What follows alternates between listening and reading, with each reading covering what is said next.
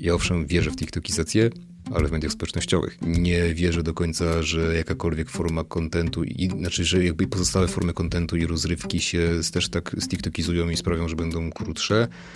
Czasem nie ma sensu poświęcać uwagi jakimś takim platformom, na których nikt podcastów za bardzo nie słucha, albo słucha tam, nie wiem, no parę raptem procent. Na pewno warto jest się skupić na Spotify i warto jest się skupić na Apple Podcasts, bo z mojego doświadczenia to jest tak mniej więcej 70 do 30. Cześć, moim dzisiejszym gościem jest Damian Jemioło. Obecnie PR i marketing manager, a także podcaster w agencji Play. Damian ma na swoim koncie blisko 200 nagrań podcastów, a obecnie aktywnie prowadzi dwa formaty, czyli kanał strategiczny i post sponsorowany. Więc będzie dużo o robieniu podcastów, o specyfice i wyjątkowości tego medium, a także o cyklu życia i śmierci a głównie śmierci, ponieważ w tej chwili podcasty stały się nowymi blogami, każdy robi swój i 90% z nich wkrótce przestanie istnieć. Zapraszam na bardzo mięsną rozmowę. Jedziemy. Cześć Damian, fajnie, Cześć, że wpadłeś. Cześć. No cieszę się też, że mnie zaprosiłeś. No wiesz, no w, koń, w końcu wypadało. No. tak. Najważniejszy, najbardziej znany głos polskiego e, tutaj chyba podkaściarstwa marketingowego, to ty jednak. Nie wiem, ja bym raczej ten, ten zaszczyt raczej, wiesz, oferował Markowi Jankowskiemu mimo wszystko, bo ma tych podcastów trochę więcej. Mój jest na pewno najbardziej charakterystyczny, ale czy taki najpopularniejszy, to, to nie jestem do końca przekonany. No, zobaczymy, ale, no ale wiesz, jak widzę, no jak tak. odpalam LinkedIna po prostu, boję się z lodówki niedługo wypadniesz. No, staram się. Ale no cóż, Janku, no Marku, Jezus, znowu, widzisz, jak ja kiedyś nagrywałem z Markiem Jankowskim podcast, to też go pomyliłem, Jankiem powiedziałem Jankiem, tak. Marku, w każdym razie ścigam cię, także już może kiedyś to ja będę faktycznie tym numerem jeden tutaj. Też się postaram wam poprzeszkadzać, e, ale chciałem wrócić do, chciałem wrócić do początku. Słuchaj, dlaczego ty, dobra, z racji głosu to wiem, dlaczego zainteresowałeś się podcastami? No to właśnie wiesz, między innymi z racji głosu, bo rzeczywiście ja słyszałem często od ludzi z różnych branż, z różnych miejsc, że coś z tym moim głosem powinienem robić. I ja tak finalnie marzę o dubbingu ogólnie, bo chciałbym kiedyś tego spróbować, ale wiem, że jeszcze muszę trochę popracować nad dykcją i też nabyć więcej takich kompetencji aktorskich, trochę teatralnych może. Ale pamiętam też taką, taka rzecz, która mnie chyba najmocniej przekonała do tych podcastów, to kiedyś jak poznałem Gimpera, Tomasza Działowego, no to z nim troszeczkę pogadałem i on faktycznie mi powiedział, że ej, powinieneś podcasty zacząć robić. No I stwierdziłem, że no kurczę, może jest w tym sens, bo ja też wcześniej jeszcze w gimnazjum, czyli jakieś wiesz, 10-11 lat temu mniej więcej coś takiego, ponad nawet, chyba 12 nawet lat temu zacząłem nagrywać coś, co się wtedy nazywało audiologii na YouTubie. Zafascynowany postacią e, słynnego wtedy brzydkiego buraczka. Nie wiem, czy kojarzysz takiego YouTubera, ale był swego czasu. I on rzeczywiście prowadził audiologii i on ma taki dosyć też charakterystyczny, charakterystyczny niski basowy głos a mnie ten głos się zaczął już obniżać właśnie mniej więcej w gimnazjum i stwierdziłem, że może rzeczywiście spróbuję. Nagrałem tam ze trzy odcinki, one były mierne, no bo co może gimnazjalista nagrać, nie? To no, wiesz, zawsze coś. No zawsze coś, rzeczywiście to było moje takie pierwsze doświadczenie z audio. To w ogóle chyba pierwszy raz mówię, bo jakoś zawsze o tym zapominam, a rzeczywiście tak było. Potem już nie ma ani śladu w ogóle, bo ja to wiesz, z czasem usunąłem, zebrało to tam może z kilkaset wyświetleń, to nie było jakiś, jakiś niesamowity projekt, nie zostałem influencerem wtedy. No, gdybyś został, to może byśmy rozmawiali o czymś innym wówczas. Ale rzeczywiście tak było i wiesz, zacząłem wówczas pierwsze podcasty nagrywać wtedy w redakcji Marketing i Biznes, bo pracowałem jako dziennikarz typowo marketingowy, marketingowy slash biznesowy. I te odcinki pamiętam, że one były no takie średnie, te, te pierwsze. No ale jednak rzeczywiście troszeczkę nabyłem tego doświadczenia, nauczyłem się lepiej mówić, lepiej montować, w ogóle wiedzieć o czym mówić, z kim rozmawiać, o czym w ogóle też rozmawiać z tymi ludźmi i jak to wszystko prowadzić. No i potem oczywiście tak najwięcej doświadczenia zdobyłem w redakcji Nowy Marketing i Mam Startup. Tam prowadziłem aż trzy formaty podcastowe w ogóle. Jak sobie myślę o tym z perspektywy czasu, to to było tego strasznie dużo, bo łącznie mi tych podcastów nagrałem mniej więcej w okolicach 200. Więc to wiesz... No spory dorobek. Spory dorobek, trzy lata raptem. Więc myślę, że to naprawdę sporo rzeczywiście. No to, to wiesz, Joe Rogan niedawno 2000 przekroczył. No tak. po 10 latach. No właśnie, po 10 latach. Także ja myślę, że jestem, jeśli będę to kontynuować, to też w takim okresie czasu będę w stanie to, to dogonić. I to właśnie od tego się tak naprawdę wszystko zaczęło. Tam nauczyłem się lepiej, jeszcze lepiej to robić. No i teraz wiesz, prowadzę format y, już tutaj w agencji Play, y, kanał strategiczny z Wojtkiem Walczakiem z naszego Departamentu Strategicznego Playground. No i też jeszcze niedawno Patryk Trzaska z agencji Follow zaprosił mnie do podcastu sponsorowany, więc też współtworzę ten format. Tam akurat rozmawiamy o influencer marketingu, no bo na kanale strategicznym chyba się łatwo domyślić, co nagrywamy, czyli o strategii marketingowej, przede wszystkim strategii Wiesz, To, to cenne, bo wiele osób nie, nie, wie za bardzo. No tak. Miałem, miałem, gościłem tutaj dziewczynę dwa tygodnie temu, będzie raport zaraz wydany, mhm. że 60% firm nie ma w ogóle strategii content marketingowej, tych, które robią content marketing. Także... Mhm. No tak, nie, w ogóle strategia to jest, wiesz, coś, co rzeczywiście edukowanie o niej jest potrzebne i staramy się to robić po prostu u nas. Przeszliśmy przez twój głos. Ja bym chciał zrobić jeszcze jedną rzecz, zanim zaczniemy się wyżywać na podcastach i innych okay. rzeczach, e, bo powiedziałeś bardzo cenną rzecz, której wiele osób, e, nie wiem, czy uważa, że jest niepotrzebna, czy uważa, że jest niemożliwe, ćwiczenie głosu. Mm -hmm. Przy robieniu podcastów jest to strasznie ważne. Ja sam kiedyś tam wziąłem kilka lekcji śpiewu, Okay. One mi zaprocentowały. Teraz sobie, teraz sobie wróciłem, że jednak da się jednak nad tym głosem pracować i, i przenosić go do klatki piersiowej, żeby dudnił i inne. Ostatnio miałem taką sytuację, że właśnie szedłem sobie ulicą i robiłem sobie ćwiczenie. No tak. Jakaś kobieta zaczęła przede mną uciekać i stwierdziłem, dobra, będę ćwiczył w domu.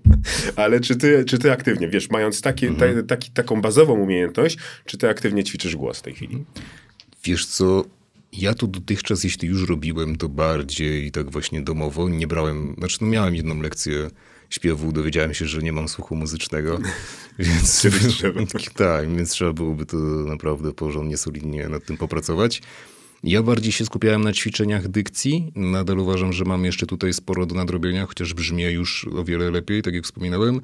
Natomiast samego głosu jako tako nie ćwiczyłem, bo mm, wiem, że też, też powinienem, bo na przykład chciałbym popracować trochę nad emisją głosu, żeby ten głos był, wiesz, bardziej plastyczny tonalnie, bo on jest dosyć sztywny, on jest basowy i tyle.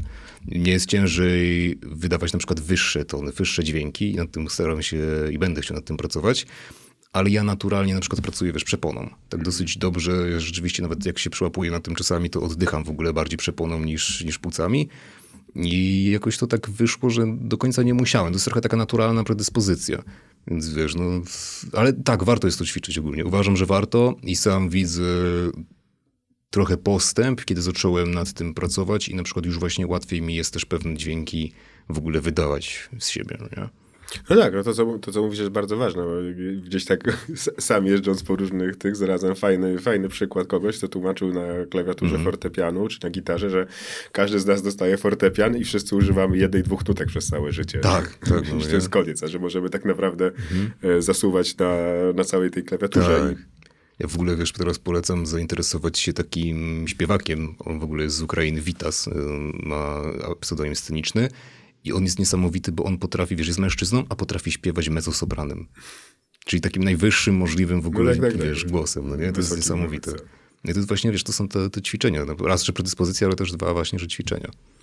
Jakie podcasty trawisz? No bo tak jak mówisz, zaczęło się od jakichś audio, audiologów, mm. czyli takich no, pre-podcastów. a jakich podcastów na co dzień? Czy w ogóle ta kultura podcastu, przez to, że je wykonujesz, jest obecna w twoim życiu? Czy ty dużo ich konsumujesz? Do pewnego stopnia jest obecna, ale ja tego nie konsumuję aż tak dużo, jakby się mogło wydawać. To też trochę wynika z, z mojej specyfiki i osobowości, bo ja mam tak, że jak robię czegoś dosyć dużo, to potem do końca nie traktuję tego, wiesz, jako jakąś przerwę czy odpoczynek, więc jak na przykład pisałem kiedyś bardzo dużo tekstów jako dziennikarz, rzeczywiście no, po kilka, kilkanaście, może nawet i kilkadziesiąt tysięcy czasami znaków ze spacjami dziennie. I wiesz, no, no moja, zadanie, moja praca polegała na tym, że pisałem i czytałem. Więc potem jak miałem na przykład sięgnąć po jakąś książkę, to miałem takie, no nie, no ja przecież ja to 8 godzin już robiłem, nie chce mi się. I, I, teraz, wiesz, jak już przestałem tak, aż tak dużo pisać, to na przykład właśnie coraz częściej się łapię na tym, że ej, poczytałbym książkę. E, I z podcastami mam trochę podobnie. Znaczy, słucham ich, owszem, ale nie jakoś tak dużo. Pewnie gdybym przestał to robić, to słuchałbym tego więcej. No z takich podcastów, które słucham w miarę regularnie, to jest oczywiście dział zagraniczny. Zresztą też Maćka Okraszewskiego poznałem osobiście i bardzo go cenię. Uważam, że jest, no, prowadzi naprawdę fajny, świetny format. Też zdarza mi się słuchać czasami raportu o stanie świata Dariusza Rosiaka, chociaż ja tego do końca nie rozpatruję w kategorii, wiesz, podcastu. Bardzo lubię też podcast Mroczne Wieki, to jest o historii, właśnie mniej więcej o tym okresie wczesnego średniowiecza, który jest taki najbardziej tajemniczy. I też, wiesz co, no, zdarzało mi się dawniej słuchać na przykład podcastu Rogi Borys o popkulturze, ogólnie wiesz, kulturze gamingowej prowadzonego przez Borysa Nieśpielaka i Remigiusza Maciaszka. Słuchałem też czasami dla zabicia czasu mm, Kryminatorium, ale jakoś tam potem się od tego troszkę odbiłem, chociaż cenię to, bo uważam, że jest też świetny format i w ogóle teraz to się przerodziło trochę bardziej w słuchowisko nawet niż podcast. I też zdarza mi się słuchać y, Nie wiem podcast, gdzie nie tam na końcu jest pisane przez trzy zamiast przez e. Nie wiem, czy mógłbym go polecić do końca z tego względu, że to jest, jeśli wiesz, ludzie się nie interesują za bardzo światem influencerów, światem popkultury. To mogą nie wiedzieć, o co chodzi. Tak, plus jeszcze to jest taki dosyć mocno jednak Gen Z, bo jest to prowadzone rzeczywiście przez Zetki. Ten humor jest taki typowo zoomerski. No do mnie to trafia, bo ja sam jestem Zetką, ja się z tego śmieję, ale wiem, że starsze osoby niekoniecznie mogłyby rozumieć, o co w ogóle chodzi. I pewnie zauważyłeś, że tutaj się nie pojawił żaden podcast biznesowy ani marketingowy. No uciekasz przed tym, widzę. No trochę tak, ale wiesz co, to nie jest tak, że oczywiście, że ja nigdy żadnych nie słuchałem, bo zdarzało mi się to słuchać, zdarzało mi się małej, wielkiej firmy właśnie Marka Jankowskiego słuchać. Słuchałem też twojego podcastu, nawet mi się również wcześniej, znaczy do twojego formatu, nie wiem, czy to określasz pod mianem podcastu, ale... No, wideokast, rozmowy na Wideokast, dokładnie, więc też zdarzało mi się oczywiście twoich rozmów czasami słuchać, czy wiesz, sprawny marketing też kiedyś prowadził taki format, mm. nazywało się Nie boję się jutra. Tam wyszło tylko kilka odcinków. Wiesz, tak szczerze żałuję, bo uważam, że to było naprawdę fajne i ciekawe. Ale jakoś tak ja bardziej w tych podcastach szukam rzeczy, które mnie interesują prywatnie mocniej, aniżeli tak typowo mm, z punktu widzenia kariery czy, czy naszej branży. No chociaż nie wiem, podcast do pewnego stopnia ja też wykorzystuję tak branżowo, no bo jednak tam często się pojawiają te tematy influencerskie i ja przez to jestem z tym bardziej na bieżąco, z tym, co się dzieje w tym, w tym świecie, no bo też siłą rzeczy musimy, uważam, być, nie? jeśli się zajmujemy się tym digitalowym marketingiem. No to trzeba być na bieżąco. Ja to samo. Wychodzi tyle dobrych treści w tej chwili, że ja widzę to tak, że po prostu wybieram. Ja mm. nie, mhm. nie, słucham praktycznie podcastów na bieżąco paru komików ze Stanów, nie wiem, Tima okay. Dillona czy coś i, i, ludzie w Lidlu uważają mnie za chorego psychicznie, jak ja tam chodzę i się turlam ze śmiechu przy chłodniach. No to ja się z takich rzeczy staram nie słuchać właśnie w miejscach publicznych, bo potem to tak wygląda, nie? ale, ale, ale sięgam, wiesz, jak szukam kogoś po nazwisku, czy zapraszam gościa i widzę, że on u kogoś był, no to wtedy rzeczywiście przesłucham, żeby już po pierwsze nie powtarzać i, i szanować słuchaczy, żeby nie musieli słuchać dwa razy tych samych pytań, a po drugie, żeby jednak złapać jakiś chwil osoby. Słuchaj, cenne jest dla mnie to, że byłeś tym dziennikarzem, że robiłeś ten format e, że robiłeś ten format na początku. Jak ty oceniasz, jaka jest twoja perspektywa, że podcasty się przebiły do Polski z takim lagiem, że mamy 3-4 lata laga podcastowego względem Zachodu co najmniej? Mm, widzisz, ja bym uważał, że to jest trochę ryzykowne stwierdzenie, bo podcasty jako takie pierwsze w Polsce były nagrywane już w 2005 roku. No tak. I wiesz, to był na przykład Jacek Artymiak, Marek Jankowski z Pawłem Tkaczykiem to już był 2009 rok. Tylko mm, one się trochę bardziej przebiły rzeczywiście później do mainstreamu, bo te formaty, wiesz, nie były jakieś szczególnie małe, ale może nie były tak powszechne jak obecnie. Ja uważam, że to jest kwestia w dużej mierze dostępności platform. Bo wiesz, weszło do Polski Spotify, Apple Podcasts i ludzie zaczęli mieć też, wiesz, coraz lepsze smartfony, internet mobilny się poprawił, więc podcast, który dla mnie naturalnie najczęściej się słucha właśnie tak w tak zwanym międzyczasie i przeważnie właśnie, wiesz, na zewnątrz gdzieś, gdzie jesteś w podróży, idziesz na siłownię, nie wiem, no jedziesz rowerem, idziesz na zakupy, no cokolwiek znaczy, to może, Możesz to robić przy okazji. To tak, jest dla mnie naj, najważniejsza okazji. rzecz. To jest to, co dla mm. mnie wyróżnia podcast od audiobooka w ogóle. No, w audiobooku często muszę być 100% bardzo, fokus tak. i mogę tylko w samochodzie, jak prowadzę znaną trasę, a audiobooka, a podcast mogę iść do sklepu na siłkę, na dokładnie. rower, dokładnie tak jak mówisz, to jest przy mm. okazji. No właśnie i uważam, że to, że to się ta dostępność tej technologii poprawiła, to to troszeczkę sprawiło, że te podcasty tak mocniej się wybiły. I też wiesz, no pojawiło się po prostu więcej twórców podcastowych w ogóle, bo ludzie się też zainteresowali tym pod kątem nie tylko bycia odbiorcą, ale też twórcą. No bo jak pomyślisz sobie o tych pierwszych podcastach takich, które były bardzo mainstreamowe, popularne, no to co miałeś? Kryminatorium to tu Okoniewska. No i tyle. A tego jest y, teraz już bardzo, bardzo dużo. Jak popatrzysz na te statystyki tych top 10, no to cały czas się to praktycznie roszady. Tak, zmienia się to, no nie? No bo przez wiele lat było tak, że ja na przykład nie patrzyłem w pewnym momencie na te rankingi, no bo wiedziałem, że będzie na pierwszym miejscu albo Kryminatorium, albo tu, tu Okuniewska i one się będą wymieniać miejscami. Tak, a potem doszły te moje przyjaciółki idiotki. I... No, no. Dokładnie, też zresztą przez Okuniewską prowadzone. No tak, tak. I, I, rzeczywiście na początku tak było, że tych twórców nie było sporo. Ta dostępność tych platform się poprawiła No bo nawet jak wcześniej właśnie słuchałeś podcastów, no to bardziej gdzieś tak w, w domowym zaciszu, bo trzeba było mieć, wiesz, do tego laptop czy coś. No owszem, były ten YouTube mobilny już, już wcześniej, ale no to nie jest jednak taka forma, jak, jak jest obecnie, nie? że na przykład odpalasz sobie Spotify, chowasz smartfon do kieszeni i do widzenia. No tak, no wiesz, na YouTubie, żeby YouTube prowadził te mm -hmm. playlisty podcastowe dopiero w tym roku tak naprawdę i na początku, e, a do tej pory wyciszenie mm. YouTube'a w telefonie powodowało ci zablokowanie, tak, ile, widzenia, nie, ile no. nie płacisz za premium. Więc... Dokładnie, więc wiesz, to jest też myślę kwestia nawet dostępności takiego sprzętu, jak teraz my mamy przed sobą, czyli wiesz, rejestratorów, mikrofonów, bo jeszcze te kilka, kilkanaście lat temu to, to, to tak nawet jak out of the record rozmawialiśmy, no nie było Blue Yeti po prostu i ewentualnie Novox e, NC1. No tak, to, 6 lat temu miałeś pustynię. Dokładnie. No. Nagrywanie wideo podcastu 6 lat temu takiego jak tutaj, żeby te aparaty mm. mogły nagrać godzinę czy coś, tak. żeby ten, no to to były jakieś absurdalne, absurdalne koszty telewizyjne. To prawda. Wyszło Yeti właśnie i Troszkę świat się zaczął zmieniać. Dokładnie. No bo też dużo z tego sprzętu było właśnie albo do takich, tak jak mówisz, wykorzystań profesjonalnych, czyli telewizja albo nagrywanie muzyki. A teraz jednak tych, pod, tych takich typowo mikrofonów dynamicznych mamy znacznie więcej, one są dosyć przystępne cenowo, więc to tworzenie tego stało się o wiele prostsze. I myślę, że to właśnie dlatego, wiesz, troszeczkę z takim opóźnieniem w kontekście mainstreamowym to się no tak, pojawiło. No plus kultura streamingu, myślę, mm. pomogła. Ta dostępność, że każdy producent gamerski robi też tak. całkiem przyzwoity mikrofon w tej chwili. No aczkolwiek wiesz, na zachodzie ten wybuch nastąpił gdzieś tam chyba największy Spotify, co wtedy tak poszedł na zakupy, to chyba był 2019 rok, mm -hmm. że tam mhm. puścili, nie wiem, 600-700 milionów dolarów w rok na, na kilka przejęć po prostu. A u nas e, pierwsze badanie, że takie podcasty już są i są gigantyczne, nastąpiło tak naprawdę chyba w zeszłym roku czy dwa lata temu było badanie, że 60-70% internautów już słucha podcastów. No tak, chociaż wiesz co, różne są badania rzeczywiście, bo ja znaczy, no tak, pamiętam... Tak, no. mhm.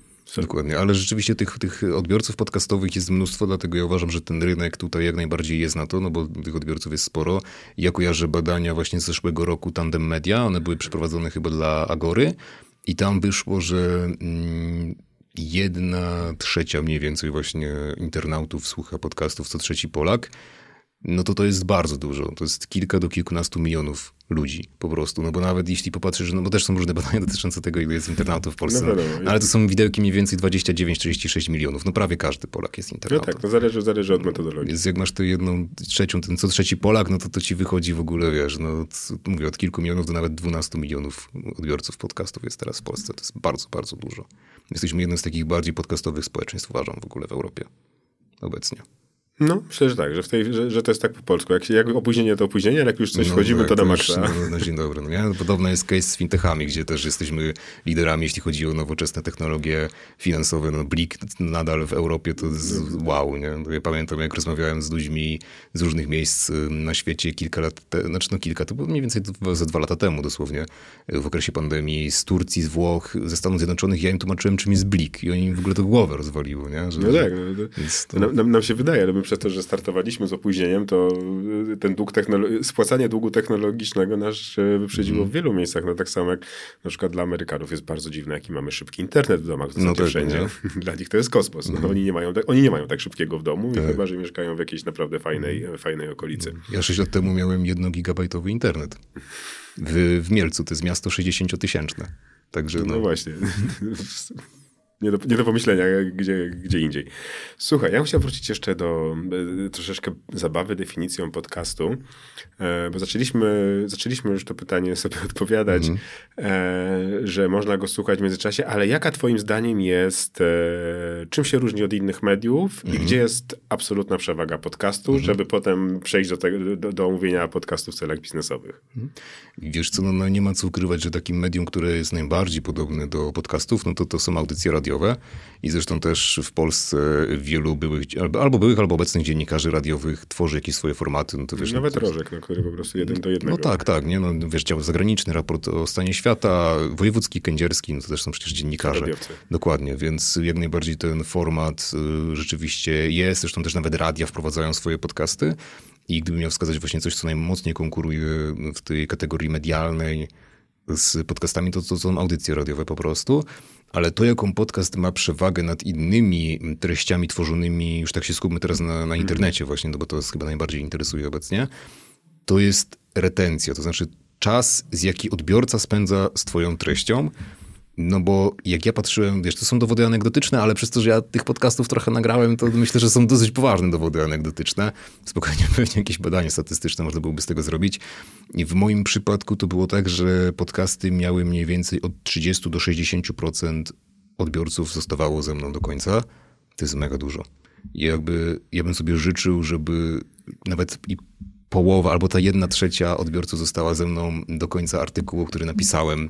Czy filmu na filmu YouTubie. na YouTubie, no nie. Przecież na YouTubie, no to jak już nawet takie 10, 15, 20% zostanie ci do końca, to jest super. No tak, Bardzo no, fajny no, wynik Znaczy, wtedy. najfajniejszy wynik to jest to, żeby jak najmniej ci odpadło pierwsze w pierwsze 20-30 20, sekund. dokładnie, I, no potem, potem ta retencja, jak już ci zostaną, to, To potem już leci jakoś tam powoli, dokładnie. To już jest, tylko że możesz stracić, jak zrobisz to źle, to masz 80% startu po 30 sekundach. No dokładnie. Straty, sorry. No, to prawda, a właśnie podcast się charakteryzuje tym, że ci ludzie rzeczywiście z tobą zostają bardzo, bardzo długo i to jest właśnie związane z tym, że tego się słucha przy okazji. Sprzątasz w domu, słuchasz podcastu, idziesz na siłownię, słuchasz podcastu. No tak jak mówiliśmy, robisz cokolwiek, słuchasz podcastu i wiesz, to jest ta zdecydowana przewaga. Tutaj jeszcze jest fajne dosyć to budowanie relacji takiej bardziej długotrwałej, bo jednak odbiorca z tobą spędza dużo czasu, no bo te odcinki mogą mieć od pół godziny, ja nawet czasami słuchałem podcastów, które miały po trzy godziny prawie. Nie? To, jest właśnie- bardzo dużo. Ma, mam, mam o tym pytanie, no ja, Lex Mhm. Friedman, ja lubię Friedmana słuchać, mam mało czasu, no ale teraz to, co zrobił z tą swoją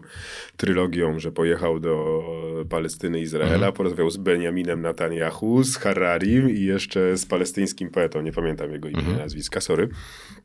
E, No ale pamiętam, że on kiedyś zrobił dwa podcasty. Jednego z Karmakiem właśnie od, od, e, od, e, od gier, a z ID Software 5 godzin, a inny jeszcze dłuższy 7. No to to już są potężne formaty. I, to już jest, wiesz, to już jest, to już jest jakaś absurdalna ilość czasu, aczkolwiek ja regularnie wciągam 3 godzinne i to jest dla mnie absolutnie, absolutnie normalne. Ja nieraz czuję niedosyt po godzinnym. Co tak, co tak mało, to już? No tak, no to prawda. Jeśli się przyzwyczajasz właśnie do tej treści, no to to jest to, że odbiorcy podcastowi i lubią te, te dłuższe formaty, te treści, rzeczywiście je po prostu połykają i przez to też budują z tobą jakąś formą, formę relacji, no bo oni cię dosyć dobrze przez te, te godzinę, dwie, trzy poznają. No lepiej niż na TikToku, który trwa 15 sekund. Lepiej. e, Znaczy ja, ja- osobiście widzę dwie rzeczy. Po pierwsze, że bardzo wiele osób słucha podcastu w słuchawkach. Mhm, to też Dla mnie to ważne. jest niesamowita intymność. To, że ktoś ci pakuje coś prosto do, do czachy, jest skrótem. No, a druga rzecz to jest właśnie e, ten niuans, coś co powiedziałeś, że TikTok czy inne, że ta sieka, wiesz, czy kilka Tak, tak. sekund, że można zrobić TikToka nawet 10-minutowego i dłuższego przez chwilę można było. Nikt tego nie robi, bo powyżej 30 sekund mało kto wytrzymuje. Sam widzę po swoich, jak e, tam eksperymentuję z długościami, że optymalne to jest 15-17 sekund Tak. i koniec. Czas uwagi się kończy temu człowiekowi.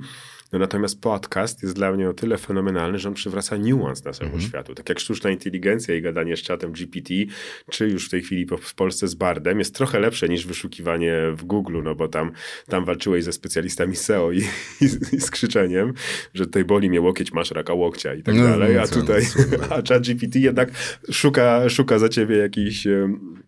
innych rzeczach. No i ten podcast daje niuans. Jeśli ktoś rzeczywiście może posłuchać godzinę czy dwie godziny o czymś, co jest pasją czyjąś, no to tam wchodzisz w olbrzymi szczegół i tak naprawdę korzystasz niesamowi- nie- niesamowitej ilości wiedzy. No i to, co powiedziałeś, budujesz niesamowitą relację, nie- niedostępną To prawda, medium. ale to jest jednocześnie wada. Wiesz, wiesz dlaczego? Bo jeśli chodzi o odbiorców podcastowych, to to jest bardzo bierna forma odbierania i bier- bierna forma interakcji z twórcą. Znaczy, to tak jak mówiliśmy, nie? ci ludzie przeważnie z- gdzieś tam włączają ten odcinek, wygaszają ekran smartfona, wrzucają go do kieszeni. Tyle. Jakaś tam łapka w górę, komentarz, cokolwiek takiego. Bardzo trudno jest to rzeczywiście uzyskać od odbiorców podcastowych. I tutaj ponownie się... Sp- Spotify ostatnio prowadza. Czy chcesz dodać Tak, e, jest, tak, pola do, do danego odcinka? Ale no, no z, z tym też jest tego, że ludzie do końca tego nie robią po prostu, no bo to, to nie do końca o to chodzi. To jest troszkę właśnie, to jest bardzo bierna forma odbioru treści, tak jak audycja radiowa, no nie? Że to rzeczywiście jest tak, że słuchasz i jakby tyle.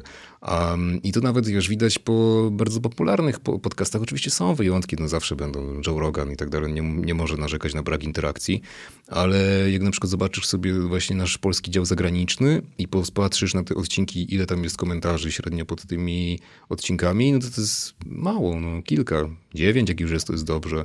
A wiesz, wystarczy sobie popatrzeć na treści na YouTubie, które mają podobne wyświetlenia, czy kategorie, czy jakieś tam, nie wiem, 6 tysięcy, 7, 5 tysięcy, to tych komentarzy na przykład, czy reakcji może być 100, 200, no bardzo tak, dużo, wiesz, nie? No, ale, ale tu wpadamy w pułapki algorytmów, Mm, że no też cały okazji. TikTok i cały YouTube w tej chwili ma algorytmy, które mają cię zatrzymać, mają cię wzburzyć, No tak, mają, tak. wiesz, te banieczki, a podcasty lecą na właśnie na retencji, że widzę, jak mi Spotify No proponuje nowe rzeczy, no to zwykle jakieś długie formy czy coś, Mm.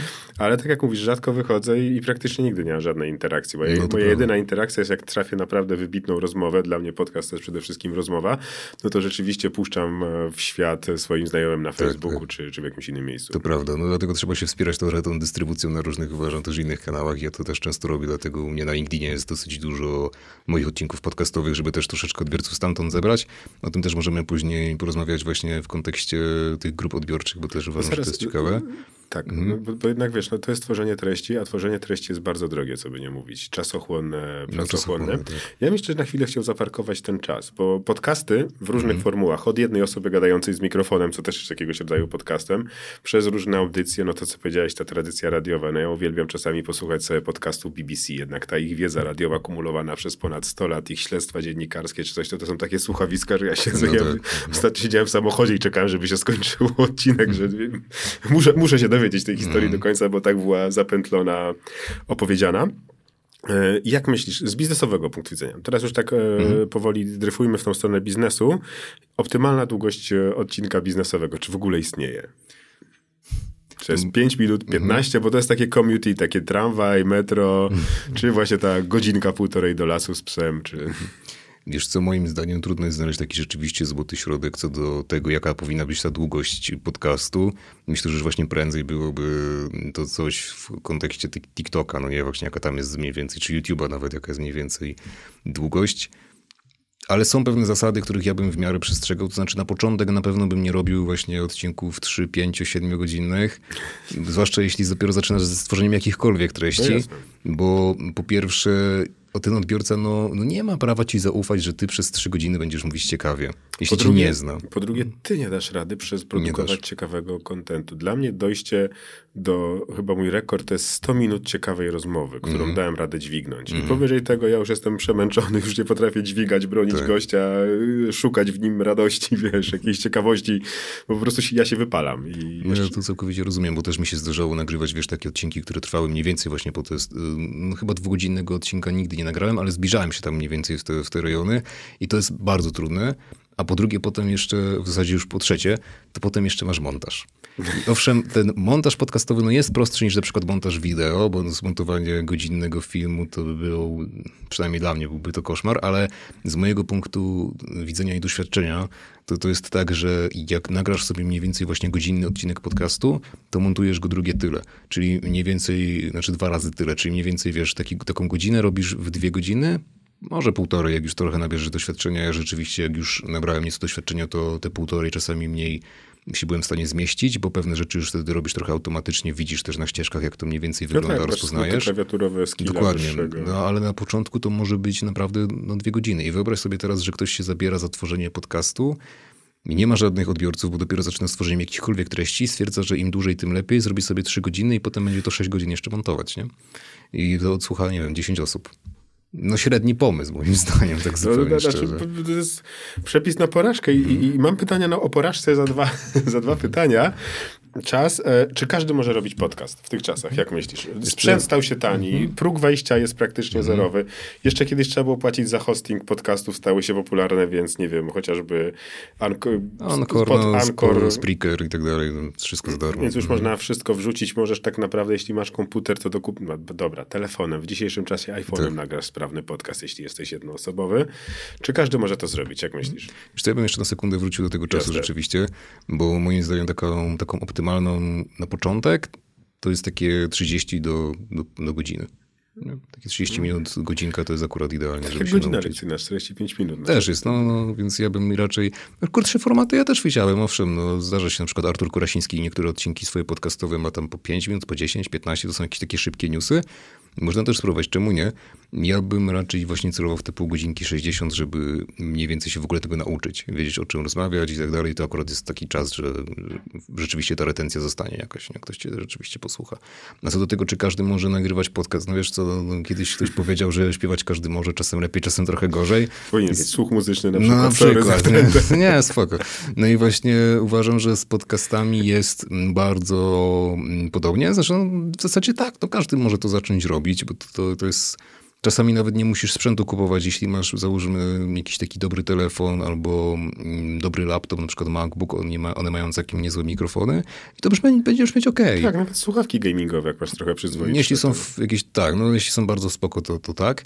Zresztą jest też teraz takie narzędzie od Adobe, one jest chyba bezpłatne. Niesamowite, tak mi uratowało dupę nie No tak, Adobe Podcast i on rzeczywiście mm, jest w stanie ten dźwięk troszeczkę poprawić, jeśli mamy, mamy gorsze nagranie. No tak, ja, ja, ja skrzeniłem ustawienie ustawienia mikrofonu w Krakowie i nagrywałem okay. konferencję, moich gości nie było słychać, rzuciłem to darmowe urządzenie audio, wypluło mi po prostu, wiesz, no właśnie, tych ludzi miał tu w studiu. No więc to jest, to, to pomaga, to jest taka rekonstrukcja głosu rzeczywiście, więc nawet teraz się można takim czymś wesprzeć, więc to robienie podcastów jest coraz łatwiejsze, a jeszcze dodatkowo masz, wiesz, takie narzędzia, które też pomagają ci w montażu, zwłaszcza jeśli robisz wideokast, no to jest na przykład, nie wiem, Autopod i on ci pomaga w takim szybkim montażu wideo, Jasne jestem sobie w stanie wyobrazić sytuację, w której komuś będzie ciężko, trudno nagrywać podcast. No nie wiem, no jest. Yy, to ma jakąś bardzo solidną wadę wymowy i po prostu ciężko się go słucha, albo ciężko zrozumieć to, co mówi, albo no jest w ogóle głuchoniemy, no to też raczej jest wtedy trudniej. No tak, no pewnie da się to jakoś przeskoczyć też. Mm, na pewno się da jakoś to przeskoczyć. Pytanie tylko, czy wtedy warto. Może lepiej jest się skupić na jakichś treściach, których wiesz, nie będziesz musiał używać tej, tej fonii, nie tych swoich zdolności takich typowo dźwiękowych, tylko na przykład właśnie tekstowych. Ale tak, no dzisiaj zacząć podcast to jest naprawdę bardzo prosto. Ja myślę, że ci ludzie, którzy zaczynali podcasty, tak jak mówiłem wcześniej, no nawet taki Marek Jankowski w 2009 roku, ja nie wiem, jak on to robił, tak szczerze, bo wtedy, no mówię, no, mikrofony były albo bardzo drogie, albo były studyjne, albo były z Biedronki myślę, za 15 zł. Tak, nie? tak, albo z drugiej strony inwestowanie w jakiegoś Zooma H4 mm. czy coś, w jakieś mikrofony XLR, no, czy w no. jakieś inne no, no, tak, próg wejścia tak. był dramatycznie wyższy. A teraz wiesz, wystarczy naprawdę ok sprzęt, taki, którego używasz na co dzień do pracy, typu właśnie jakiś iPhone, nie wiem, mój Asus też na przykład Zenfone 9 nagrywa całkiem spoko. Dźwięk on jest bardzo przyjemny i też w ogóle odbiór ma, ma e, audio bardzo spoko. Czy właśnie jakiś MacBook, no nie wiem, no, na upartego mm, kupisz sobie mikrofon pod USB i on też będzie brzmieć dobrze. Więc tutaj ten próg wejścia się znacząco obniżył. On, ja myślę, że on się będzie jeszcze coraz bardziej obniżał rzeczywiście. Dobra, dryfujemy w stronę biznesu. Czy podcasty w biznesie działają twoim zdaniem? Czy podcast jako narzędzie biznesowe zarówno B2B, mm. ale i B2C e, działa mm. i ma sens? Czyż no ja dwa razy pracę dostałem dzięki podcastom, także na działa. to działa, na własnym przykładzie mogę powiedzieć.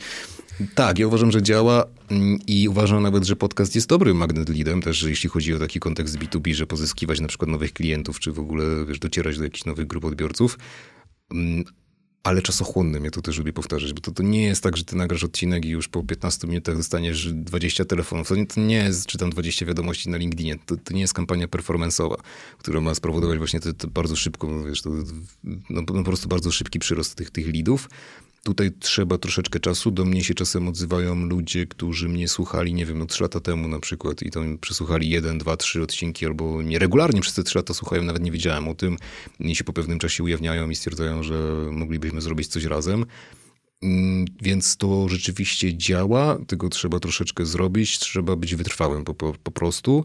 I jednak też w ten podcast troszeczkę zainwestować, no żeby rzeczywiście, zwłaszcza na początku, jeśli tworzysz te treści, zbierać te grupy odbiorców, żeby ktoś cię w ogóle słuchał. No i wiesz, no, no, no właśnie wtedy się przydają te kampanie performance'owe chociażby, nie? żeby troszeczkę jednak tych odbiorców sobie pozyskać, jeśli mm, na początku nie masz jakiejś dużej grupy, a to, że masz jakąś dużą grupę, załóżmy na LinkedInie, wcale nie oznacza, że to się przełoży na podcast.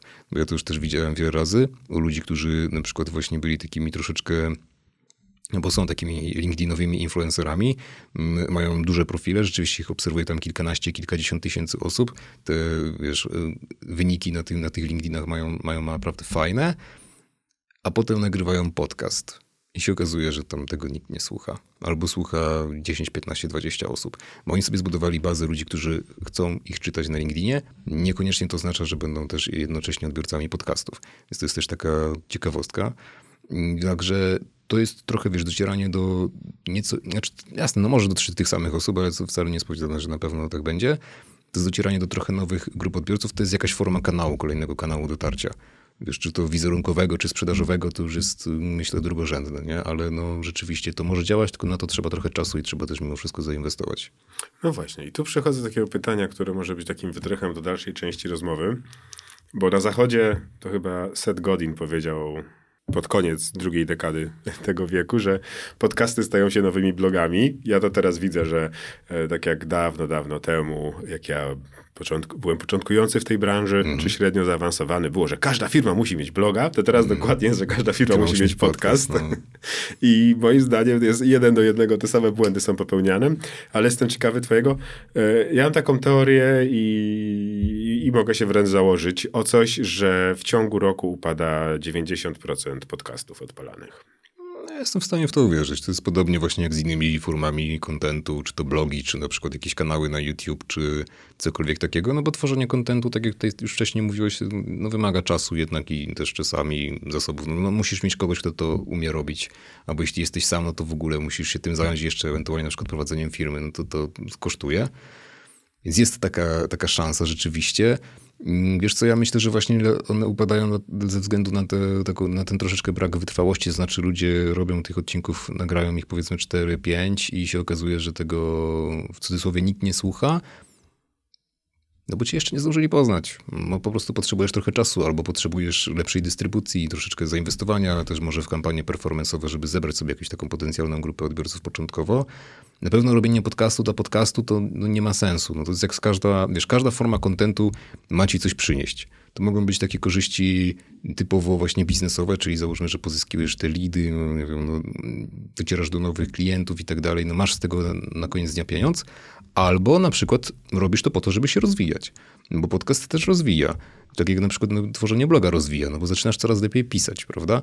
No, no bo wiesz, edukujesz się też o tym, jak to robić lepiej. Podobnie jest z podcastem, że u mnie na przykład podcast znacząco rozwinął takie zdolności interpersonalne, prowadzenia w ogóle rozmowy, rozmawiania, mówienia też. Właśnie no to chociażby ta dykcja, o której wcześniej wspomniałem. No ale też lepiej intonuję teraz.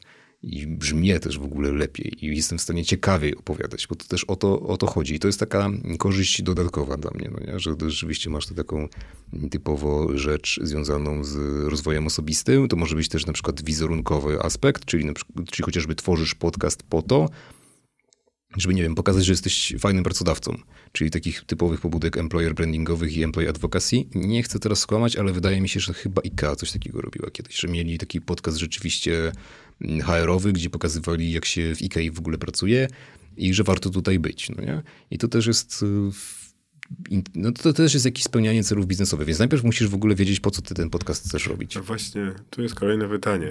Jak, jak się zabrać za strategię na podcast? Bo to jest, mhm. żeby uniknąć właśnie, żeby nie być w tych 90% upadających, wracamy mm. do mhm. twojego innego podcastu. Trzeba mieć strategię, warto mieć strategię na podcast. Mm. I, I, jak, się za to, jak się za to zabrać? Jak ty byś się mm. doradczo zabrał dla jakiejś firmy właśnie, dla brandu za budowę strategii?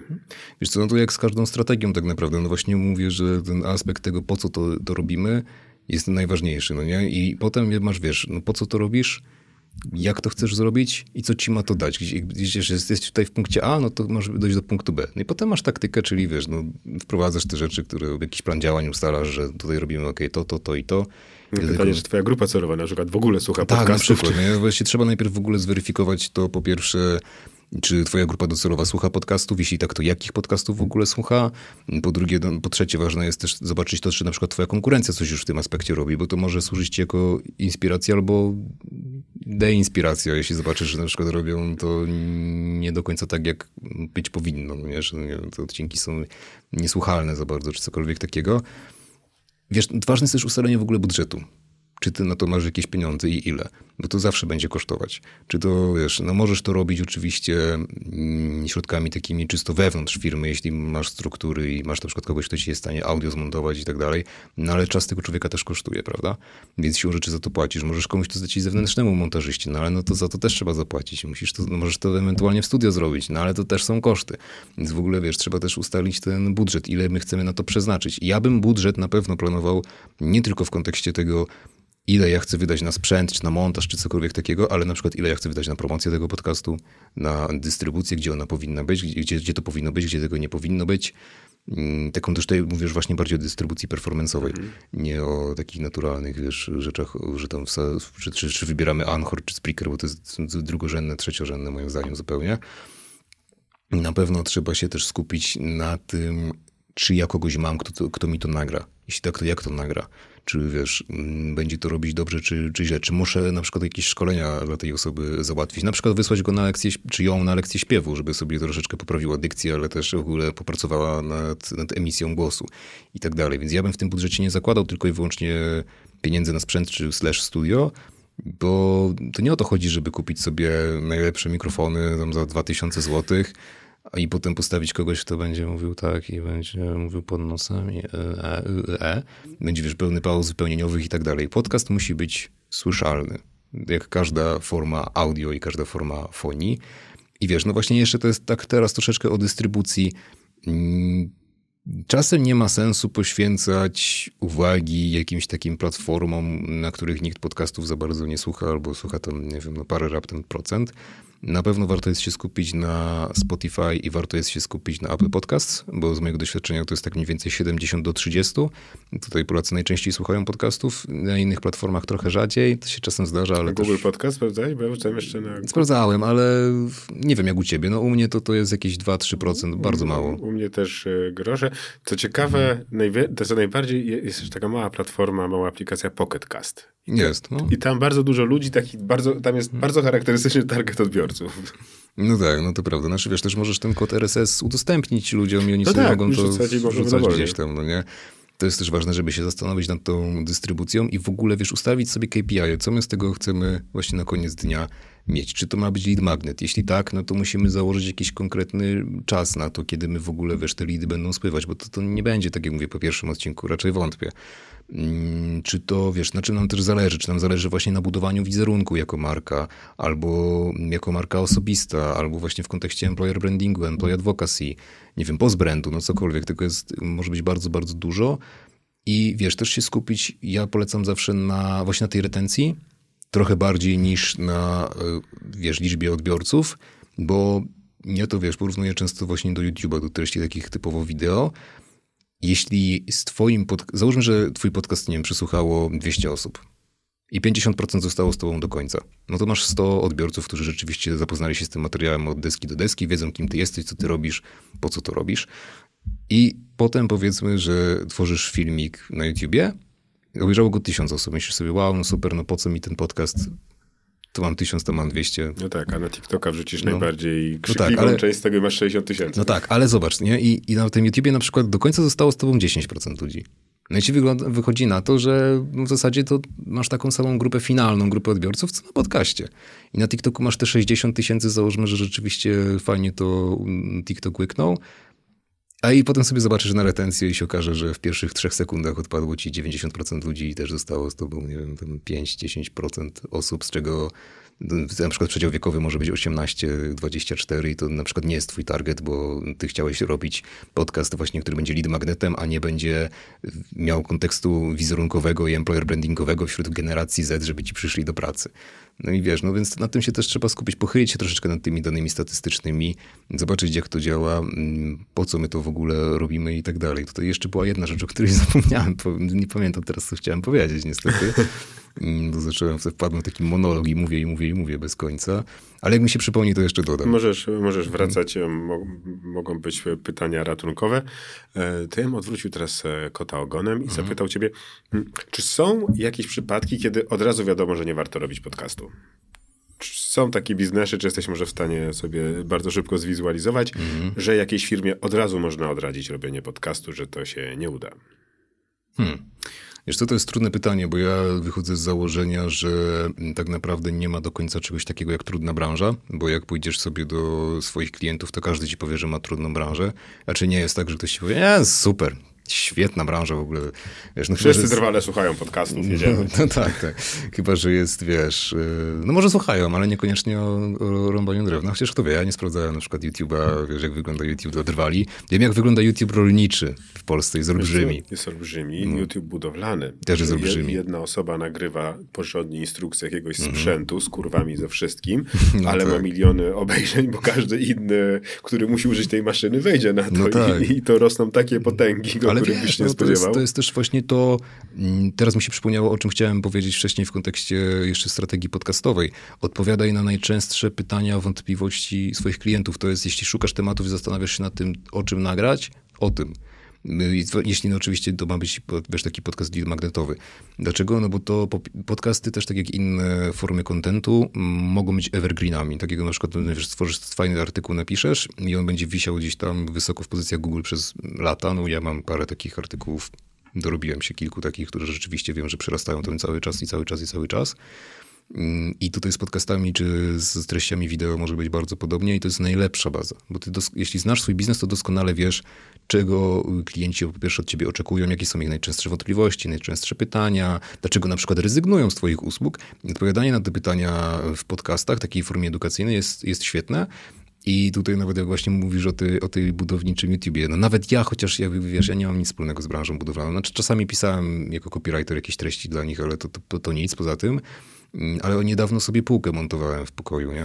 No to gdzie tam miałem tego no, szukać? No, na YouTubie. No. Skąd się bierze informacje? Dokładnie. I znalazłem oczywiście. Więc też masz, wiesz, jak masz takie w ogóle szerokie branże, to jest super, bo na te treści będą wpadać i fachowcy, i będą wpadać tacy ludzie jak ja, którzy chcą sobie DIY zrobić, wiesz, do it yourself, nie chcę zapłacić 200 zł za montaż półki, zamontuję ją sobie sam. Ale nie wiem jak to zrobić, no to sobie zobaczę no tak, na YouTubie. Albo już potem, ha, rozochocisz się, wymienię no tak. gniazdko elektryczne na przykład, i przeżyję. To prawda i zdarzało mi się też. No i właśnie, wiesz, to czy jakaś branża byłaby trudna do nagrywania podcastów, kurczę, no... Znaczy jak jest pomysł, to się... Myślę, że się obroni, no nie? No, nie wiem, no może jakaś branża pogrzebowa mogłoby mieć ciężko. Nie wiem, czy ludzie chcą słuchać o tym, ale z drugiej strony, wiesz... A z drugiej strony, wiesz, jakbym pomyślał o podcaście zakładu pogrzebowego Bytom, to... No tak, no, to, to, to, trochę trolling, no, ale no, mogłoby to być ciekawe rzeczywiście. Chociaż z drugiej strony, wiesz, jest taki zagraniczny podcast na przykład, on się nazywa, tutaj sobie przygotowałem, Unusual History of Everything. I no i tak samo nazwa wskazuje, oni nagrywają dosłownie o wszystkim. I jest odcinek, gdzie nagrali o historii krasnali ogrodowych. Nie pomyślisz sobie, no nie, no kto chce słuchać jakiegoś, wiesz, za przeproszeniem pierdolenia o jakimś sprzęcie z, ze sklepu ogrodniczego za 15 złotych. No ale amatorzy są też, nie? No tak. Więc paradoksalnie myślę, to że... Już, ale to już jest grupa odbiorców. Wiesz, jeśli odbiorca ileś razy dowiedział się, że może słuchać o bzdurach i mm. będzie coś ciekawego, to nawet krasnale, to, to już nieważne, co im podasz. Tak, no. Ja chcę, wciągam, wiesz. To prawda. Właśnie wiesz dlaczego? Bo najważniejsze w podcastach tak naprawdę nawet nie jest tyle treść, co sposób prowadzenia narracji i opowiadania historii. No właśnie, to miało być moje pytanie. Co jest najważniejszą rzeczą w dobrym mm. podcaście? Jakbyś miał zdefiniować takie absolutnie success factor mm. e, dobrego podcastu. Co jest tym sekretnym sosem? Mm. No to właśnie, jak to się mówi w tej naszej branży, storytelling po prostu. Czyli to, w jaki sposób opowiadasz, no bo możesz mieć, wiesz, świetny głos, mieć doskonałą dykcję, ale jeśli bajdurzysz głupoty, nie prowadzisz tego w ciekawy sposób, mówisz, wiesz, no, no, nikt tego nie będzie słuchać. Ważne jest to, żeby mieć jakąś historię, żeby ta historia była o czymś, coś za nią rzeczywiście szło i wiesz, i to, w jaki ty sposób o tym opowiadasz. Czyli wiesz, kiedy wiesz, przyciszyć, kiedy mu powiedzieć trochę coś głośniej, coś istotnego, dynamiczniej i tak dalej. To jest zdecydowanie najważniejsze i jeśli miałbym w coś najmocniej pakować, jak w jakichś grach RPG, nie wiem, grasz barbarzyńcą, to ładujesz wszystko w siłę i kondycję, to tutaj ładujesz wszystko w storytelling tak naprawdę. Bo on jest o wiele ważniejszy, no bo ludzie ci będą słuchać podcastu o krasnalach ogrodowych, no. Jeśli opowiadasz o tym ciekawie. Jeśli, jeśli zrobisz tego historię, jeśli masz jakiś setup, mm. jakiś konflikt, jakieś coś i Dokładnie, no. wychodzisz cały na biało. To prawda, no bo to jest też, no to jest ważne w ogóle, wiesz, też w tworzeniu kontentu, żeby rzeczywiście była za tym jakaś historia, żeby było to ciekawe, najlepiej jeszcze, żeby były przy tym jakieś emocje. Nie? To, jest, to jest najistotniejsze zdecydowanie w podcastach też. Okej. Okay. To ja bym chciał teraz e, pogadać chwilę o ewolucji podcastów mhm. i o przejdziemy chyba naturalnie do dystrybucji, bo podcasty zawsze były formą audio, tak jak powiedziałeś, no, ten rodowód radiowy i, i w ogóle. I to było bardzo fajne dla firm, bo nagrywać przed kamerą wiele osób ma olbrzymi problem. Nawet mhm. ludzie, doskonali sprzedawcy, doskonali mówcy publiczni, siadasz ich przed kamerą, lampa w oczy, obiektyw tak, tak. i oni... Mm. Oni, oni nie potrafią się przedstawić. E, sam byłem świadkiem tego kilkukrotnie. Podcast dawał tą fajną rzecz, że przed mikrofonem to się da wyciąć, nie, nie widać cię, możesz mm. mieć mnóstwo tików nerwowych, możesz nawet, wiesz, no nawet da się nagrać podcast z ludźmi, którzy w życiu nie nagraliby wideo. Tak, tak. I to była dla mnie dramatyczna przewaga podcastu, że tylko głos i możesz wziąć jakiegoś specjalistę, który nie wygląda, który się wstydzi i tak dalej, ale głosem opowie o jakiejś bardzo intrygującej rzeczy, w którym on jest mocny. Mm, przyszła pandemia. Mhm. Pandemia zmieniła to i to najpierw było na zachodzie, potem to przeszło wszędzie i teraz badania już są takie dość e, mocne, że ten trend się rozlał także w Polsce, że połowa ludzi chce oglądać że dochodzimy do wideokastu, tak mhm. naprawdę, czy, czy jakiegoś tam mariażu, e, mariażu z YouTube'em i jak ty, bo żądanie, moim zdaniem żądanie odbiorców jest i trzeba na nie odpowiedzieć. Jeśli to jest około 50% ludzi, którzy chcieliby zobaczyć tą twarz, oni nawet nie będą chcieli nas oglądać cały mhm. czas, ale oni chcą zobaczyć nas, jak my wyglądamy, wiesz, mhm. lepiej nas poznać i potem znowu wrócą do formy audio. E, jak to dla ciebie zmienia, jakie to są e, różnice narzędziowe także z biznesowego punktu widzenia? No bo to znowu dramatycznie zwiększa nam e, próg wejścia i tak naprawdę przechodzimy do produkcji mhm. wideo z produkcji tak. audio. No, na pewno wprowadza coś nowego też w kontekście budżetowym właśnie, no bo nagle się okazuje, że jeszcze trzeba mieć chociażby te kamery, no nie? I tak jak tutaj siedzimy no, oboje, no to nie mamy jednej kamery, tylko mamy dwie kamery, no bo to będą dwa plany. były trzy, ale w ogóle trzy, no też, no to jest też, też spoko. Więc na pewno to, no, trzeba będzie zainwestować dodatkowo w jakiś sprzęt i na pewno to jest już właśnie, to już jest też właśnie rozwój kolejnych kompetencji, ja też zacząłem nagrywać wideokasty na kanale strategicznym i w poście sponsorowanym rzeczywiście prowadzimy też tę formę na YouTube, nie tylko wersji audio na Spotify. Chociaż na Spotify już też można umieszczać materiały tak, wideo, w ogóle od niedawna. I to na pewno pomaga też właśnie, wiesz, w, w, znaczy, no to, pomaga też w kontekście rozwojowym, no bo ja nabieram przez to kolejnych kompetencji. Tak jak się nauczyłem w miarę dobrze operować głosem, no to teraz muszę lepiej operować ciałem, bo ja naturalnie na przykład u mnie jest tak, że jestem dosyć mało ekspresywny, wiesz, nie głosem, ale ciałem. Ja raczej nie gestykuluję jakoś mocno. Nie mam też jakoś mocno rozwiniętej mimiki i uczę się tej prezencji dopiero, tak, tak rzeczywiście. Więc to jest też ten próg wejścia, no, troszkę się zwiększa, z drugiej strony my też już mamy historię w Polsce mocno vlogową przecież, no bo najpopularniejsi influencerzy, no to obecnie no to są raczej tacy właśnie trochę vlogowi, no nie? To, to już kiedyś byli gamingowi i tam wtedy rzeczywiście twój wizerunek nie jest jakoś bardzo potrzebny, bo grasz w gry, no to to jest tak, ważniejsze. W, małym okienku. Ewentualnie, dokładnie, no. Ale jak patrzysz na takiego Freeza i na jego materiały, one są bardzo dynamiczne, no bo muszą być. To jest coś, co, czego się trzeba nauczyć i trzeba to jakoś przeskoczyć. To jest też właśnie fajne w kontekście wideokastów, że rzeczywiście ci ludzie obcują z tobą nie tylko audio, ale też wizualnie. No, widzą cię, wiedzą jak reagujesz, jaki jesteś tak naprawdę i to też pomaga w, w, budowaniu relacji, nawet jeśli ta relacja, tak jak mówię, jest dosyć bierna, jednostronna, a nie tak jak na przykład na streamach interaktywna, ale no, jestem w stanie sobie wyobrazić to, że to może być próg, który jest trudniejszy do przeskoczenia dla innych. Trzeba myśleć o, wie, o wielu więcej rzeczach. To znaczy, to jak te kadry na przykład wyglądają. No tak, hmm. no ja jak tak biorę gości, to zawsze stawiam kamerę z boku i mówię, nie, nie gadasz do kamery, gadasz do mnie. Do ciebie, no. I z drugiej strony nie mogę powiedzieć, jak ta osoba, wiesz, jak mi się gość wyluzuje i już naprawdę cudownie szyja, ale siedzi tak i buja się na boki w ogóle, ale wiesz, ja widzę, że on leci, że tam jest freestyle z głowy totalny, nie, nie mogę nic powiedzieć, no jak, jak to wygląda, tak to wygląda, ale ta osoba, wiesz, e, mówi naprawdę dobre, ciekawe mm. rzeczy i chce się tego słuchać. Mm. Jak się buja mi na tym krześle dookoła, no to byle tylko w miarę mikrofon to zbierał. No tak, no ja to rozumiem. Wiesz, no i jak ja nagrywałem pierwszy odcinek na kanał strategiczny z Wojtkiem, no to on poszedł do kosza. Bo okazało się, że wiesz, my już rzeczywiście nagraliśmy ze sobą podcastów takich audio typowo ze 30, więc wiesz, no, ja, mam z nim, no, ja mam z nim dobre flow i tak dalej, znamy się. Ale okazało się, że w kontekście wideo my o wielu rzeczach nie pomyśleliśmy. Znaczy ja miałem rozczochrane włosy, Wojtek miał koszulę, która się akurat mu rozpięła na, tak, na brzuchu. brudne tło wystające. No takie rzeczy właśnie, tak? Tak, jakieś wiesz, jeszcze jak nie masz tego, no, jakieś niekontrolowane. Ja, Dokładnie. Mi, mi zajęło strasznie dużo czasu, ja, żeby nagrać tak spokojnie siedzieć, ja muszę być po siłce mm. czy po bieganiu i wtedy okay. mogę udawać, wiesz, normalną osobę, która... No rozumiem, no to widzisz, to ja mam na odwrót, nie? Ja jestem raczej taki, że jestem bardziej mniej ekspresywny w tym, w tym kontekście ciała i rzeczywiście on poszedł do kosza, bo wiesz, nie zwróciliśmy uwagi na takie podstawowe rzeczy, jak się potem okazało, że właśnie jest gdzieś tam jakaś brudna ściana w tle, no ja mam te Mhm. rozczochrane włosy, on ma tę koszulę tam rozpiętą, no cokolwiek takiego, no nie? I tego nie widzisz tak naprawdę nawet na odcinku, jak nagrywasz, bo jesteś skupiony na rozmowie, na to, żeby to Tak, tak, poprowadzić w ciekawie. No właśnie, potem patrząc na odcinek myślisz sobie, super, no to godzina pracy do kosza. I rzeczywiście tak było, więc mm, na pewno ja bym... Ja jestem też właśnie zwolennikiem robienia zerówek. Znaczy, jeśli zaczynasz z jakimś nowym formatem, zrób sobie próbę. Mm, Niech on, zobacz, jak to będzie wyglądać w ogóle, nie? Czy to ma rację bytu, czy to ci się spodoba, czy nie. Wyrzuć to ewentualnie do kosza później. Nie musisz tego publikować, bo warto po prostu przetestować to, jakie masz y, umiejętności i tak dalej, nie? Tak, ale ja bym. To co powiedziałeś. Po pierwsze, jakakolwiek rzecz medialna to jest, to jest y, długofalówka. Mhm. To nie jest, że tak. Ja uważam, że nie ma co kopiować radia, czy kopiować telewizji, No bo jeśli nie. nie jesteś radiowcem. I ja też done is better than perfect. Generalnie w Tak, podcastach tak. też, jak najbardziej. No dokładnie, nie? że lepsze jest wrogiem dobrego. No, to, to jest podstawowa zasada i rzeczywiście nie ma się coś tak do tego przywiązywać. Tak jak mówię, najważniejsza jest to narracja, to jest przede wszystkim.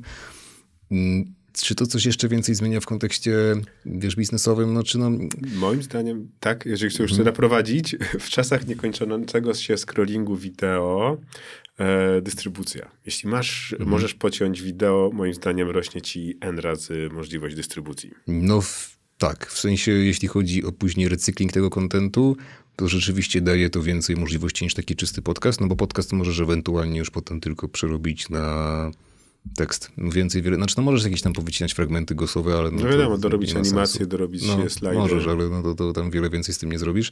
Jak masz jeszcze, wiesz, masz audio i wideo, to już w ogóle święto, możesz robić z tym wszystko, no, ciąć TikToki na przykład, reelsy na Instagramie i tak dalej i rzeczywiście ja też tak robię.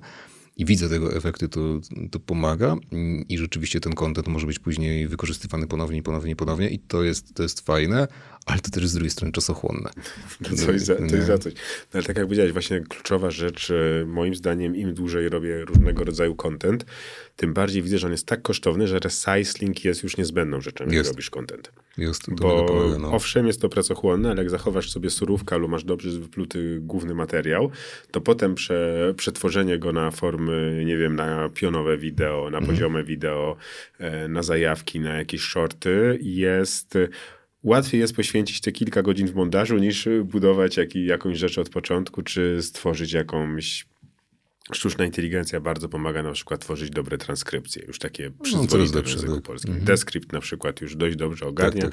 Nie jest to idealne, nadal jest tam kilka poprawek na minutę, wiem, bo wszystkie shorty robię z napisami z Descripta i zawsze jednak jest tam, jest tam coś do poprawy, aczkolwiek z każdym miesiącem jest lepiej. Jest, no ja też, wiesz, pamiętam jak ja jako dziennikarz pracowałem i czasami miałem takie wywiady, że po prostu przychodziłem do kogoś, nagrywałem tę rozmowę, ale potem musiałem to spisać, to było piekło za każdym razem. I ja kombinowałem wtedy, to było kilka lat temu, więc to, tych narzędzi po prostu nie było, albo one były w powijakach. I kombinowałem na przykład z mówieniem, e, nagrywaniem głosowym na Google, nie? żeby ta transkrypcja od razu się pojawia- pojawiała, ale to był tragedia to było. Potem trzeba było, wiesz, to przepracowywać, prze- przerabiać tysiąc razy. Więc finalnie mi to w żaden sposób nie ułatwiało pracy i nie, nie przyspieszało. Teraz rzeczywiście te narzędzia pozwalają na to, żeby tę pracę przyspieszyć. I być może wtedy właśnie tworzenie tego kontentu ogólnie będzie mm, prostsze, tańsze, właśnie dlatego, że masz rzeczy, które ci to przyspieszają. No, znaczy, finalnie i tak będziesz musiał troszeczkę tam coś popoprawiać, normalne, ale rzeczywiście to trochę robi robotę, no bo teraz recykling się bardzo mocno rzeczywiście opłaca. Jak uważasz, jaka jest przyszłość e, podcastów? Bo e, na przykład w Polsce, tak jak powiedziałeś, fajnie jest to, że one wskakują na falę i że się, tak jak Polacy, jak nam się spodobało, to się przyjęło. Jesteś Zetką, natomiast demograficznie Polska się starzeje. No starzeje, i no to prawda. Ja jestem niestety w mniejszości. No to... W mniejszości będziesz płacił te ZUSy na tych. No, już płacę. Więc no ale tak, to prawda. Jak myślisz, jaka jest, e, jaka jest w związku z tym przyszłość, przyszłość podcastów w ciągu najbliższych kilku lat? Jak ty to widzisz? Ja uważam, że one przetrwają tak naprawdę, bo Zetki też słuchają podcastów. No, to dowód danych dotyczny ja, moja dziewczyna, moi znajomi i tak dalej, ale no, to też widać po statystykach, że tak jest. Ja troszeczkę mm, nie do końca podzielam tę kwestię, która jest teraz mocno popularna w naszej branży, czyli tiktokizacji. Ja owszem wierzę w tiktokizację, ale w mediach społecznościowych. Nie wierzę do końca, że jakakolwiek forma kontentu, i, znaczy, że jakby pozostałe formy kontentu i rozrywki się też tak stiktokizują i sprawią, że będą krótsze. I to dlatego, że wiesz, ludzie ciągle czytają książki. ciągle czytają na przykład Dune, która ma ponad 700 stron, jest olbrzymim tomiszczem, ciągle grają w gry pokroju Wiedźmina 3, gdzie trzeba spędzić 100 godzin przynajmniej, żeby to przejść. Idą na Oppenheimera, który ma, trwa 3 godziny a z reklamami to 3,30 pewnie już obecnie. Więc wiesz, i ludzie binge-watchingują seriale, oglądają tego mnóstwo. Treści konsumujemy bardzo długich formatów, my paradoksalnie dużo konsumujemy. Owszem, mamy mniej czasu w ciągu dnia z różnych powodów. Jesteśmy przebodźcowani też i o tym wiesz, no na pewno lepiej jakbyś porozmawiał z antropologiem czy socjologiem, więcej by ci o, o tym no powiedział. Wiesz, ja patrzę, ja patrzę, wiesz, z punktu mhm. antropolog coś to bada, a ty, chcesz, ty żyjesz z tego, chcesz tak. z tego żyć, więc wiesz, interesuje cię jak, jak nawet kierować swoją karierą i mhm. swoimi poczynaniami. Więc ja uważam, że jak najbardziej podcasty przetrwają. Mm, czy one na pewno będą łatwiejsze, tak jak mówiłem, do, ten próg wejścia będzie niższy, będzie to łatwiej wszystko zrobić. Też troszeczkę sztuczna inteligencja nam pewnie w tym pomoże. Już teraz też masz narzędzia, które mm, dosyć dobrze imitują twój głos i mogą w ogóle nagrać za ciebie odcinek, który tylko im wrzucisz, czy scenariusz i dzień dobry. I działa to dobrze. Ja już sam słuchałem podcastów, które były tak stworzone, na przykład przez Jarosława Kuźniara i rzeczywiście to, to był jego głos po prostu, ten, ten, ten syntezator. Chociaż ja nie uważam, że ten, ja uważam, że nie tędy droga, ze względu na to, że już to też kiedyś, kiedyś mówiłem na jednym wywiadzie, że podcast ma też się rozwijać, więc wiesz, napisanie fajnego scenariusza, wrzucenie go do AI, żeby to przeczytało za ciebie i się nie zacinało, nie miało pauz pełnieniowych i tak dalej, to jest bez sensu. Finalnie to ty masz się rozwinąć, a nie sztuczna inteligencja, no bo co ci to da? To potem ktoś ci spotka na żywo i się okazuje, że już nie mówisz tak fajnie, jak się wydawało, że mówisz, nie? Więc ja uważam, że te podcasty będą dalej między nami. Czy jakoś się pozmieniają? Kurczę, to jest na tyle taka trochę pierwotna forma, mm, no bo jednak, wiesz, to, to jest tak To jest storytelling, to jest ognisko. No, to jest, to jest jaskinia, ognisko, ognisko dokładnie. i opowiadamy jak, sobie historię. Tak, jak ja czasami służ, słyszę to, co ludzie mówią o tym, jak mnie gdzieś tam słuchali podcastów, to, to, przeważnie mówią mi, że oni się trochę czują, jakby siedzieli gdzieś tam ze mną właśnie, jakbym ja im coś opowiadał, tak, tak jak mówisz, nie przy ognisku, przy na jakiejś ławeczce, czy, ławeczce czy coś takiego. I to jest fajne. I tutaj nie uważam, żeby było jakoś bardzo dużo pola do, do zmiany i do popisu. Myślę, że już bardziej Wiesz, w kontekście na przykład tworzenia jakiejś grafiki, filmów i tak dalej, to tutaj się to rozwinie o wiele, wiele bardziej za sprawą sztucznej inteligencji niż y, same podcasty, bo to jest naprawdę pierwotne dosyć i bardzo proste narzędzie. Rewelacyjne, no. no. Na, na, na maksa ja to sam widzę. Ja mam taki mały, nieregularny podcast z żoną, który jest mhm. bardziej tak jakby komicy siedzieli i coś nagrywali. I właśnie teraz największym, największym komplementem jest, czuję się jakbym siedział na wami, z wami na imprezie w kuchni i jakbyście siedzieli, gadali tak, i nie muszę się odzywać. To jest dokładnie dokładnie to, co ty mówisz, no. że słucham twojej opowieści, wchodzę w to i, i moim zdaniem forma wideo absolutnie, nie wiem, nie, nie, nie, jest to dostępne. Tak, to prawda. Tego ci forma wideo nigdy nie da. Wiesz, nawet jeśli to, nawet jeśli się VR tak rozwinie, że będziemy mieć po prostu, wiesz, takie okulary. No to się przebodźcuje no to... i zniszczy ci błędnik. No też, to, to przy okazji. A, a, przy okazji ci przebodźcuje i zniszczy ci błędnik, ale też nie da ci takiego poczucia, że ty jesteś tam. A to właśnie to słuchanie to daje to poczucie. Jest to troszeczkę takie też, ja to romantyzuję w pewnym sensie, bo to jest trochę takie romantyczne, mi się to kojarzy, wiesz, z takimi, jak właśnie radio powstawało, nie? Taki wczesny XX wiek i późny XIX i ci ludzie słuchali tych, no, tych audycji w tych olbrzymich swoich takich megafonach i to jest coś fajnego w tym. No i myślę, że to będzie po prostu dalej szło. No. Dalej, no ale fajnie, fajnie, że masz to jest podobne do moich spostrzeżeń, mm. że, że, że, ta specyfika tego medium, mimo że podcast, no, no podcast to jest odgrzane radio, no podcast to jest odkrycie radia na nowo, tak, tak naprawdę. Tak, dokładnie. To prawda. Y, to, bo formaty są różne. To nie jest tak, no, są podcasty, które wypłynęły na rozmowach, ale mhm. są podcasty fikcyjne, są podcasty tak. wiedzowe, są podcasty... Mhm. Właśnie takie jak w formie słuchowiska, nie? Więc... Dokładnie. Coś, co BBC robi moim zdaniem najlepiej na świecie. No to wszystko jest miejsce i to jest po prostu internet odkrywa radio od 2005 roku. Trochę to, tak że jest. wybuchło teraz, to... No wiesz, no z drugiej strony YouTube odkrył telewizję w pewnym sensie na nowo. No, ja też tam, też tak troszeczkę egalitaryzował i zdemokratyzował bo się okazało, że możemy tworzyć filmiki takie dosyć jakościowe, no, o wiele taniej niż, niż robiąc to w studio. No tak. Więc... Wszyscy amatorzy wideo mm. dostali tak potężne narzędzie, mm. które znowu, tak jak w podcastach 10-15 lat temu były tak. dostępne tylko najwie, dla największych. Ja uważam, że w ogóle cała historia ludzkości to jest odkrywania koła na nowo, tak szczerze. Więc... Lubi się powtarzać. No. Dziękuję ci bardzo. Bardzo się cieszę, że mogłem cię poznać w ogóle, bo dużo cię słyszałem. No tak, ale, nie, nigdy, ale nigdy na żywo. No.